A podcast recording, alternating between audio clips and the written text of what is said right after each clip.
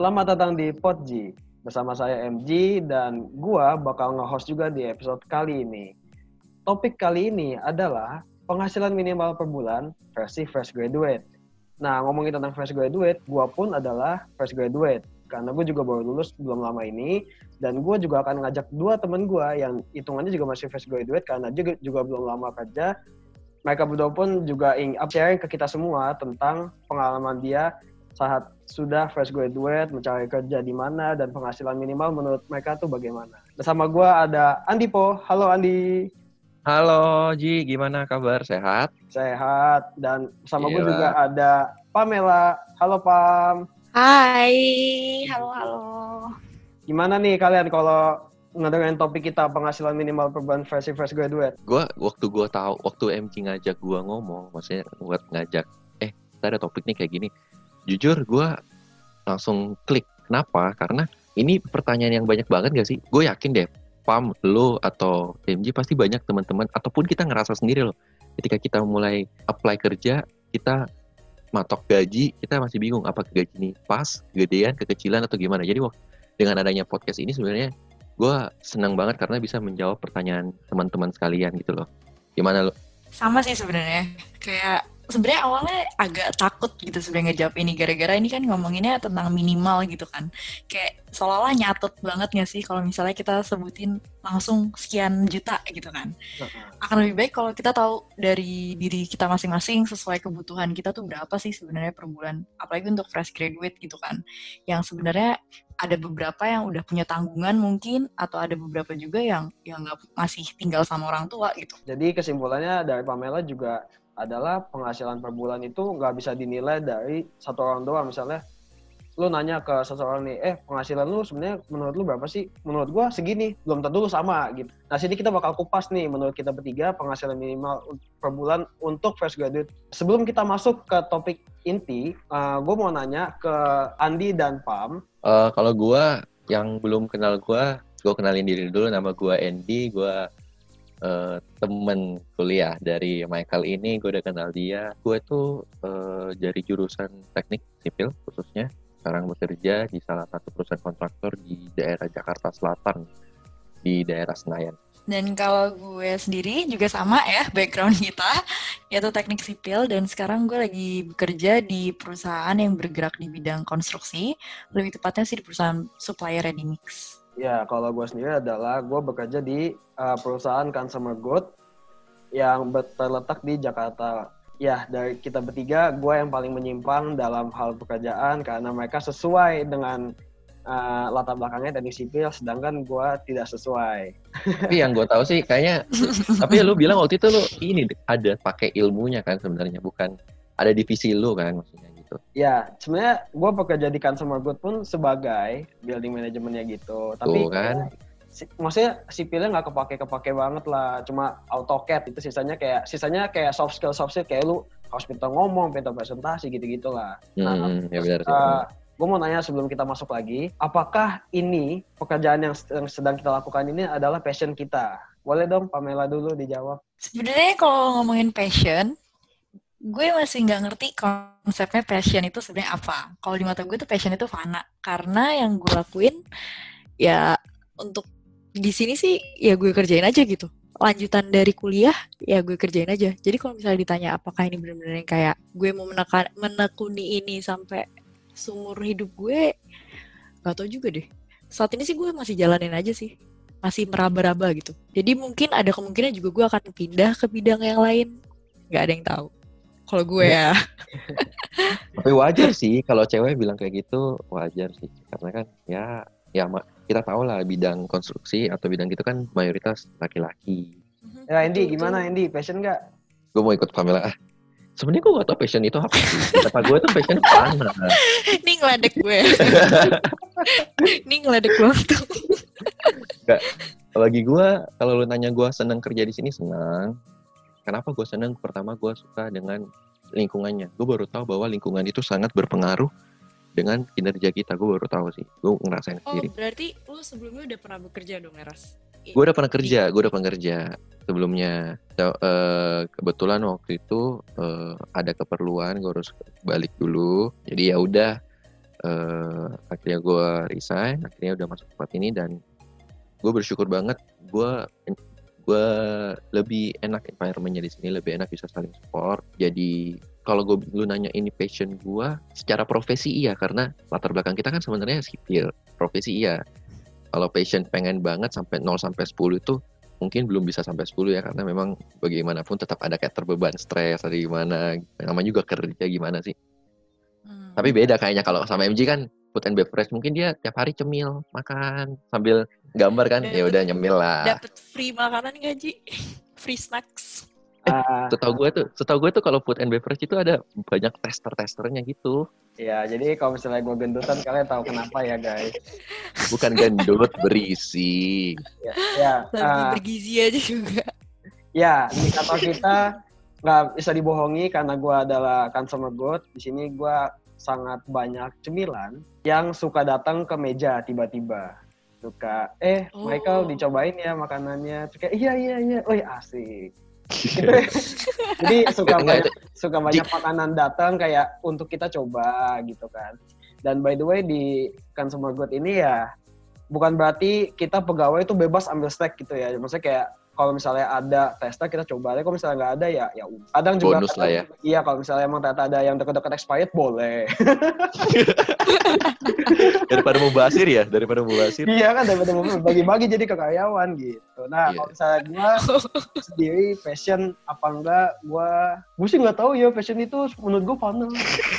Ih, gue diledek terus. Enggak, enggak menurut gua gua tahu fashion. Maksudnya gua beneran panah Gua- beneran gua- panah ya gua ngerti Oh. fashion karena eh, setelah udah gua melewati 8 bulan bekerja di sini, gue jadi ngerti gitu loh.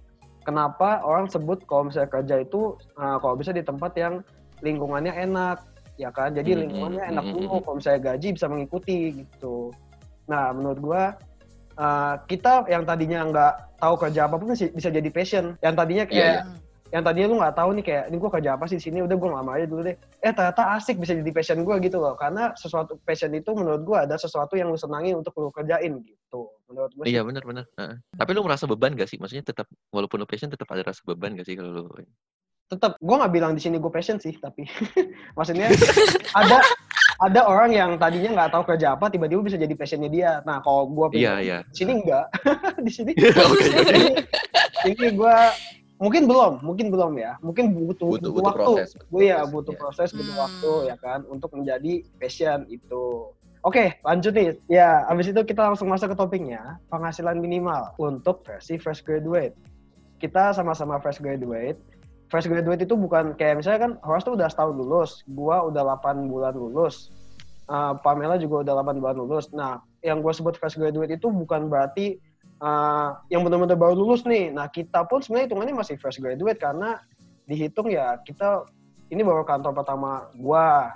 Ya kita kan juga masih zero experience ya. Jadi kayak kita tetap menghitung kalau misalnya kita itu adalah fresh graduate. Kita bakal bahas tentang penghasilan minimal ini. Ah, mungkin dari tadi kan Pam udah duluan tuh coba Andy atau mungkin gue dulu kali ya karena tadi kan boleh bebas bebas menurut gue penghasilan minimal nggak ada. Tadinya gue sempat mikir kayak banyak gitu loh penghasilan minimal. Gue coba tanya ke senior, eh kok penghasilan lu berapa? Eh kak penghasilan lu berapa? Eh bang penghasilan lu berapa? Waktu pertama kali lulus karena itu concern gue banget pas pertama kali lulus kayak gue pengen tahu nih patokan gue tuh berapa sih jadinya untuk hmm, benar waktu pertama kali gue lulus tuh gue dapat gaji berapa sih? Misalnya senior gue ada yang jawab gaji gue 5 juta, terus gue langsung ngemat, langsung matok nih, ya kan? Langsung matok, wah berarti gue segitulah minim. Tapi ternyata pas gue udah udah kerja, ya sebenarnya gaji minimal itu balik lagi ke masing-masing kita. Itu men- itu menurut gue. Gimana menurut kalian? udah gue dulu ya. Gue setuju sama MG dalam artian gini loh. Kalau soalnya gue pernah ngerasain loh zaman zaman kalian pernah ngerasain gak sih zaman zaman kalian lulus kalian ngelamar? Kalian nggak tahu gaji kalian mau berapa. Ketika kalian masukin suatu angka apakah itu angka pas atau angkanya kegedean atau angkanya kekecilan? Karena jujur aja kalau gue boleh sharing dikit nih ya. Ketika kita masukin angka yang gue rasain kita ditawar untuk turun jadi gue nggak tahu itu angka gedean Ah, atau Kegedean betul, atau- betul, betul, betul. gue gue ditawar nih gue ditawar eh maksudnya gue kasih masukin angka oh kayaknya gaji kamu kekecilan, aku naikin ya. Nggak ada, Nggak ada, nggak ada. nggak ada. Mungkin Nggak mungkin ada, ada, mungkin mungkin. mungkin ada, mungkin ada cuma gue nggak dapat. Gitu. misalnya nih kita kita ambil contoh ya misalnya misalnya kita ambil contoh misalnya Kak, misalnya kita masukin 5 juta Eh, kamu kayaknya untuk skill kamu untuk yang kamu fresh graduate kebutuhan kamu kayaknya nggak cocok. Saya naikin 7 juta ya. Nggak ada. Nah. nggak ada. Nanti semakin kamu semakin kamu berkembang, saya kecilin gajinya ya. Iya, nggak. Nggak jadi gue merasa bahwa gue nggak jujur aja gue nggak tahu angka yang pas buat gue masukin itu berapa. Jadi kayak asal gue masukin aja. Kalau dia turunin berarti oh muncul pemikiran oh mungkin cuma segini ya gaji gue ya. Dengan satu sisi lain ketika kita mau ngelamar tempat lain dengan harga dengan angka segitu belum tentu ditawarnya lebih bagus lagi. Siapa tahu lebih rendah lagi. Jadi itu kayak bahasa lainnya galau. Apa sih? Ab- labil. Apa sih? Eh, dilema dilema. Itu sih menurut gue jadi kalau dibilang gaji minimal itu sebelum waktu gue awal kerja itu gue nggak tahu gaji minimal gue berapa gitu loh. Yang angka yang harus dikasih ke HRD gitu loh. Paham gimana? ya sama sih nggak jauh beda. Tapi yang penting kan kita juga sebenarnya juga harus tahu self worth kita kan. Pasti ada juga nih orang concern gak hanya tentang kebutuhan tapi tentang eh, gue dulu di sini nih gitu kan gue dulu teknik nih harusnya gue gaji gue harusnya lebih tinggi daripada yang lain gitu kan atau segala Iya, macam iya, sebenarnya iya. itu juga Betul, betul. Ngerti kan? Jadi sebenarnya kalau mau ngomongin minimal juga, menurut gue ngitungnya ya, pertama lo harus tahu dulu kebutuhan lo. Apakah sudah memenuhi kebutuhan lo dengan pertimbangan entah kayak expenses kita saat bekerja nanti gimana. Sama juga ya kira-kira dari setelah kelebihan dari kebutuhan itu, itu lo bisa saving gitu kan. Jadi lo bisa nentuin, oh berarti kalau misalnya gue mau savingnya misalnya 5 juta gitu langsung saving. Berarti ya lo tambahin aja dari kebutuhan lo. Nah itu nilai dengan diri lo jadi angka minimalnya sih. Mungkin kayak Nah. gitu kali ya. Ya itu tuh. Nah ini menurut gue pas banget nih yang Pamela ngomong ya. Pamela ngomong kalau misalnya angka minimal itu berdasarkan kebutuhan kita per bulan. Kalau gitu gue mau naik ke Pamela deh karena Pamela udah bahas. Kalau menurut Pam, ah, kebutuhan lu selama sebulan tuh apa aja sih? Kalau kebutuhan gue dengan kondisi yang gue bekerja sekarang ya, lokasi kerja gue sekarang, itu gue, oh kondisi gue sekarang ini kan gue tinggal di rumah orang tua gue. Jadi setidaknya gue kalau ketika gue sarapan dan makan malam tuh gue udah free lah ya, maksudnya nggak nggak gue anggap. Dan gue makan siangnya itu bayar sendiri biasanya gue gue nggak bawa bekal itu sekitar di harga 50 sampai 75 ribu per hari. Dengan kondisi juga itu udah termasuk jajan-jajan boba biasa guys. Jajan-jajan boba zaman sekarang kan. Dan itu berarti kalinya juga kalau 22 hari itu ada sekitar 1,1 untuk makan doang. Terus untuk transportnya karena ini deket juga sama rumah gue itu gue cuma naik gojek. Naik gojek aja gue sehari cuma butuh 20 ribu. Itu udah PP 20. Mm-mm, 20 20 ribu PP. udah PP Oh, iya. iya. Mm-mm. belum nggak nggak termasuk promo-promo ntar kalau promo lebih Oh, belum gitu termasuk promo-promo. Jangan, jangan dimasukin. jangan. Itu kan kondisinya nggak ada promo nih kan. Kalau lagi jahat gitu kan. Gojek Grab lagi jahat gitu kan, nggak ada promo. Terus abis itu ada juga gue kebutuhan em, langganan lah ya, subscribe yang kayak untuk self care, nggak self care, untuk hiburan lah ya, hiburan. Hiburan. itu aja udah ada kayak Spotify kan terus habis itu Netflix terus gue juga ada kayak langganan Kompas gitu buat baca koran. Gila, gila. menambah Kayak ilmu guys. Gila, gila, gila. itu Ya, itu total lo tau gak 100 sih sekarang ya. ada namanya koran virtual? Apa ya gimana? Koran virtual?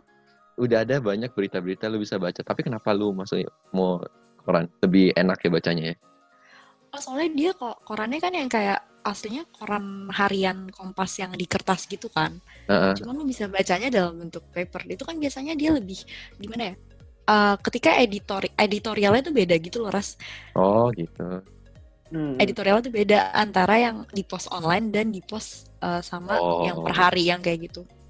ada feel-nya Terus ya bedanya ya Eh, Pam, mau tanya dong. Transport lu kan tadi 20 ribu. Itu untuk 20 hari atau gimana? 22 hari.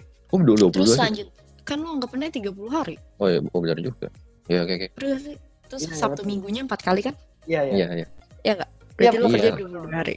Nah, terus habis itu ada lagi yang kayak hmm, weekend kan. Weekend. weekend atau enggak Friday night gitu kan. Itu Hmm. gue masukin di harga sekitar satu juta. Per minggu atau termasuk. se- Oh sebulan? enggak, Per minggu loh. Per minggu bayar. Fresh graduate, nggak tahu apa-apa. Sejuta. Hancur banget gue. Itu kohort. Per minggu ya. Itu udah hacep banget gue sejuta seminggu. Gila, untuk antara Sabtu dan Minggu. Terus habis itu ada lagi kan yang kayak apa namanya eh, belan yang belanja skincare, maintenance dong perempuan. Itu gue anggap lima ratus ribu sebulan. Mm-mm. Terus apa lagi ya? ya. Udah sih kalau gue untuk orang yang tinggal sama orang tuanya itu sih karena gue nggak ada biaya biaya tempat tinggal. Mungkin kalau ngomongin biaya tim- tempat tinggal akan ada tambahannya lagi kali ya. Kayak sekitar 1,5 itu udah anggapan sama listrik sama laundry dan segala macam. Kalau gue sih di situ ya kebutuhan gue. Oke. Oh sama ada lagi gue lupa. Kayak ada kondisi di mana gue mau jalan-jalan kan, jalan-jalan sama keluarga. Nah itu biasanya sistemnya tuh kayak eh, saving yang dikumpulin ke satu orang gitu. Jadi kita kayak nyetor gitu tiap bulan sekitar 300 ribu. Jadi Ini bener-bener actual banget ya Hmm. kondisinya yang sekarang kita mau pergi. Totalnya itu ditambah sama yang gue jalan-jalan itu jadi 3 juta 980 ribu. Itu jadi sekitar anggapannya 4 juta lah ya. tiga juta sembilan ratus delapan puluh ribu. Mm-mm. Oke, kalau misalnya berdasarkan tadi, PAM itu pengeluaran minimal per bulan dia, minimal nih berarti ya, karena semua ini wajib nih. Karena ini semua hak wajib. nih. Yes. Minimalnya adalah tiga juta sembilan ratus delapan puluh ribu. Oke, dengan keadaan dia pun akomodasinya adalah rumah orang tua, betul ya? Betul. Oke, sekarang kita bakal tanya ke Andi. Kalau gue sih nggak beda jauh, makan pasti. Cuma bedanya gue sama Pam itu gue makannya agak banyak guys. Gue itu bisa Hmm. makan sehari 3 sampai 4 kali. Gue pengen eh, mengi- me- berisi, tolong kalau ada yang tahu boleh hubungi lah ya. Jadi kalau gue itu untuk biaya makan 2 2,2 lah itulah. Jadi Bulan ya? sehari. Ya, Gila dua kalinya apa loh? jadi karena gue eh, termasuk nyemil-nyemilnya ya. Oh ya. Boba boba boba boba engineer. ya boba engineer tapi gue jujur gue nggak terlalu gimana. Cuma memang gue makannya agak banyak. Maksudnya gue memang makannya agak banyak. Jadi eh, tapi gue itu nggak ada maksudnya nggak ada langganan nggak ada langganan. Nggak ada langganan kayak pam gitu loh nggak ada Netflix itu jadi uang Netflix gue pindahin ke makanan. Demi kekenyangan perut gue dan kesehatan hati gue gua selain itu gue ada biaya transport. Kebetulan eh, di Jakarta punya kendaraan terus jadi istilahnya cuma transportnya pakai kebanyakan pakai kendaraan biasanya. Apalagi pas pas covid ini kan dianjurkan memang pakai kendaraan supaya mengurangi interaksi kan physical physical distancing. Jadi kebanyakan pakai eh, biaya bensin itu sekitar 375.000 ribu. Tapi itu nggak selalu nggak selalu mobil maksudnya nggak selalu kendaraan nggak selalu motor. Artian bisa gojek juga bisa grab juga ataupun bisa busway juga. Tergantung keadaan sih. Jadi ambil tengah-tengahnya gitu. Terus karena gua tinggal sama istri gua di Tinggal apartemen Apartemen eh, tapi- kakak kakak kakak sama kakak gua tinggal di apartemen nyewa apartemen. Jadi ada biayanya juga. Biaya tinggalnya itu bisa kita anggap 2 jutaan eh, 2 jutaan itu. Tapi 2 jutaan itu termasuk yang lain-lainnya. Kayak termasuk eh, di apartemen kenapa bisa agak mahal? Karena ada fasilitas. Maksudnya ada eh, kolam renang ada gym yang bisa dipakai ada maintenance juga terus udah termasuk juga internet. Oh iya iya. internet. Internet salah satu internet itu kebutuhan loh. Iya iya. nah jadi eh, kalau yang utama sih di situ doang kalau gue laki-laki sih gue jarang jarang beli baju sih jarang beli apa gitu gue jarang. Jadi kalau gue total yang angka besarnya itu aja itu gue dapat sekitar 4,6 sekitar berapa kalinya apa tuh hampir sejuta naiknya gara-gara mungkin karena gue tinggal di gue ada biaya biaya ini loh biaya apa biaya tempat tinggal gue maksudnya Iya, biar itu sih kalau gue Oke. Jadi, Pam udah, Andy udah. Kalau misalnya gue pribadi, lu gimana Ji? kalau gue pribadi, gue makan itu kadang, kadang gue bisa bawa bekal dari rumah. Karena kan gue tinggal sama orang tua, jadi orang tua, orang tua masih kasih, kasih kadang, tapi kadang nggak puas. Jadi kadang suka beli-beli juga ya kan. Jadi untuk makan gue pribadi sebulan gue satu juta seratus lah modelnya kayak pam. Gue anggap sehari masih keluar lima puluh ribu.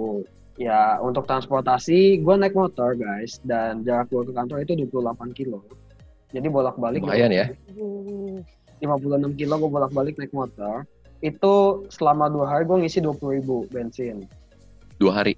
Ya, jadi gue ngisi 20 ham- bisa ya nggak nggak nyampe lah satu setengah hari lah. Jadi hitung 20 20 kali gue ngisi, jadi transport gue 400 ribu. Pulsa karena gue pakai ya pip. Nah, pulsa gue sebelum 150 ribu. Ya itu sama pulsa tel telepon, SMS gitu kan, MMS. Tahu MMS nggak? MMS nggak nggak ada zaman kan?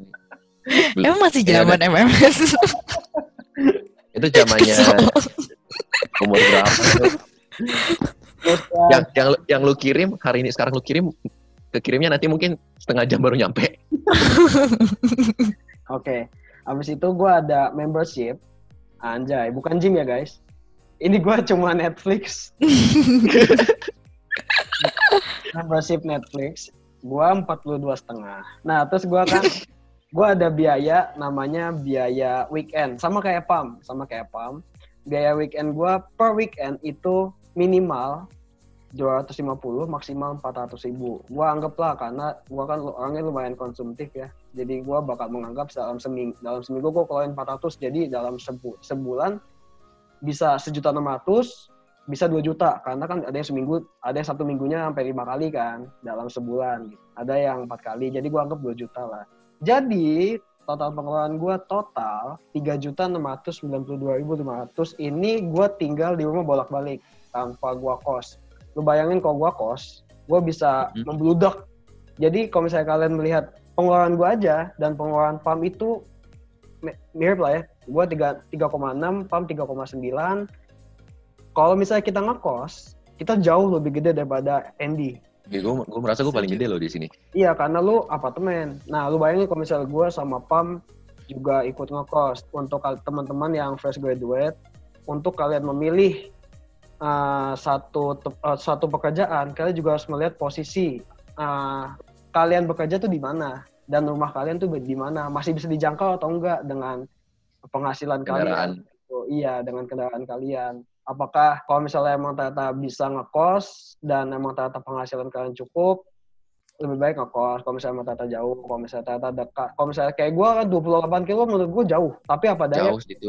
Iya, tapi apa daya kalau misalnya ternyata lu, eh, kalian bayangin aja, gue kan di Jakarta Pusat, gue ngekos, ngekos tuh minimal 2 juta deh. Itu aja mungkin kayak nggak ada fasilitas laundry gitu-gitu. Berapa berapa sorry berapa? 2 juta. Oh 2 juta. Iya, itu di Jakarta Pusat ya. Karena ya pusat. Oh iya iya. iya. ya 2 juta Nah, lu bayangin kalau misalnya gue gua ikutin kosannya jadi total gue tuh 5 juta 600 loh Belum makan. belum ma- eh, enggak ini udah maksudnya 5 juta 600 tuh udah yang tadi tuh yang udah makan transport pulsa membership sama biaya weekend tapi ya balik lagi ya mungkin gaji gue bisa minus kali kalau misalnya gue minus terus gue ikut ngekos juga gitu makanya itu memut gue memutuskan untuk gue tetap uh, naik motor untuk bolak-balik kadang emang harus ada yang dikorbanin ya guys untuk bisa Dalam hal ini lu korbanin kenyamanan dan gimana sebenarnya gue bisa pulang cepet gitu loh kayak kalau pulang ke kosan kayak tinggal ah rebahan gitu kan Iya, gue nggak bisa. Jadi gue masuk dulu. Wah gila, kalian bayangin aja. Dua- 28 itulah cerita anak fresh graduate gitu tuh. Ya, jadi kalau misalnya kalian masih fresh graduate gitu. Nanti kalau misalnya udah, kalian udah lama jadi misalnya jadi senior HRD atau senior manager atau bagaimana kan kalau misalnya ga- gajinya udah gede gitu kan pasti otomatis minimal kalian tuh berubah gitu loh. Ini nih minimal untuk kita yang masih fresh graduate nih gua, Andy, Pam ini minimal minimal kita untuk yang fresh graduate. Apa sambil berjalannya hidup, kita kan nggak kita kan selalu berharap kita akan naik gitu kan, nggak bakal naik otomatis ya nggak bisa dipungkiri bahwa kebutuhan kita pun akan naik. Nah, Tapi kesimpulan gua, tapi gini gue ada dengar juga ada beberapa perusahaan yang nyediain mes buat karyawannya. Ini yang gue juga mau ngomongin nih tentang fasilitas kantor. Jadi sebenarnya selain kalau ngomongin eh, nyari kerjaan ya buat yang calon-calon fresh graduate gitu, gak hanya tentang gaji, gak hanya tentang kenyamanan, tapi juga tentang fasilitas yang disediain oleh kantor. Kalau yang tadi MG sama Andi udah bilang tentang pulsa atau biaya internet kan. Nah, kalau di kantor gue, gue difasilitasi untuk pulsa. Jadi gue ya. bisa reimburse gitu. Dan itu jadi nggak Ya. expense gue. Itu jadi bukan kebutuhan gue.